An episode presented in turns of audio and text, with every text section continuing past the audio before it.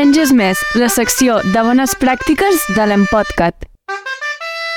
El menys és més d'aquest episodi de l'Empodcat és sobre dos documents, dos recomanacions de l'Essential, un del 2013 i un altre del 2017 que fan referència a les indicacions a l'ús dels IBPs, per exemple l'omeprazol. Ens expliquen que el consum d'IBPs a Catalunya com a Espanya està per sobre de la mitjana europea i augmenta cada any i expliquen que concretament a Catalunya 1,5 milions de persones van prendre un IBP el 2012.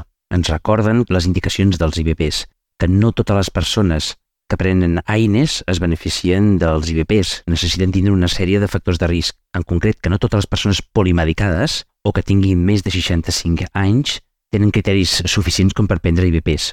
Ens expliquen que, en concret, aquelles persones a les quals els hem de receptar un IBP per gastroprotecció, perquè els hi donem un AINE, són aquelles persones que tenen història prèvia d'un ulcus gàstric o una hemorràgia gastrointestinal, són aquelles persones que els donarem un AINE i que tenen una edat avançada, més de 65 anys, o aquelles que els hi prescrivim un AINE i els hi prescrivim i el prendran de forma continuada i a dosis altes, o aquelles que el prendran a l'AINE concomitant amb altres fàrmacs, com són anticoagulants, corticoides, aspirina o altre tipus d'antiagrants, o aquells que tenen una comorbiditat important, sigui cardiovascular, renal o hepàtica, perquè els, els IBPs, l'omeprazol, a diferència del que creiem, té efectes adversos importants. Són poc freqüents, però són importants. I són poc freqüents, però si el prenen un milió i mig de catalans a l'any, doncs realment podem veure a la clínica els efectes secundaris. Per exemple, factures osteoperòtiques, per exemple, hipomagnesèmia, aquesta fa hipocalcèmia i aquesta fa arrítmies importants,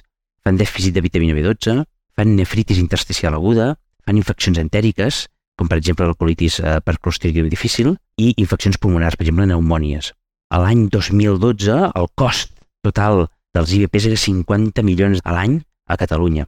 Per tant, la recomanació final de l'Essential és que en consum d'AINES podem fer una gastroprotecció amb IBPs sempre que hi hagin aquests altres factors de risc associats. Amb això tindrem menys efectes secundaris i estalviarem una part important del cost econòmic. Això és la recomanació de l'Essential que us volíem comentar.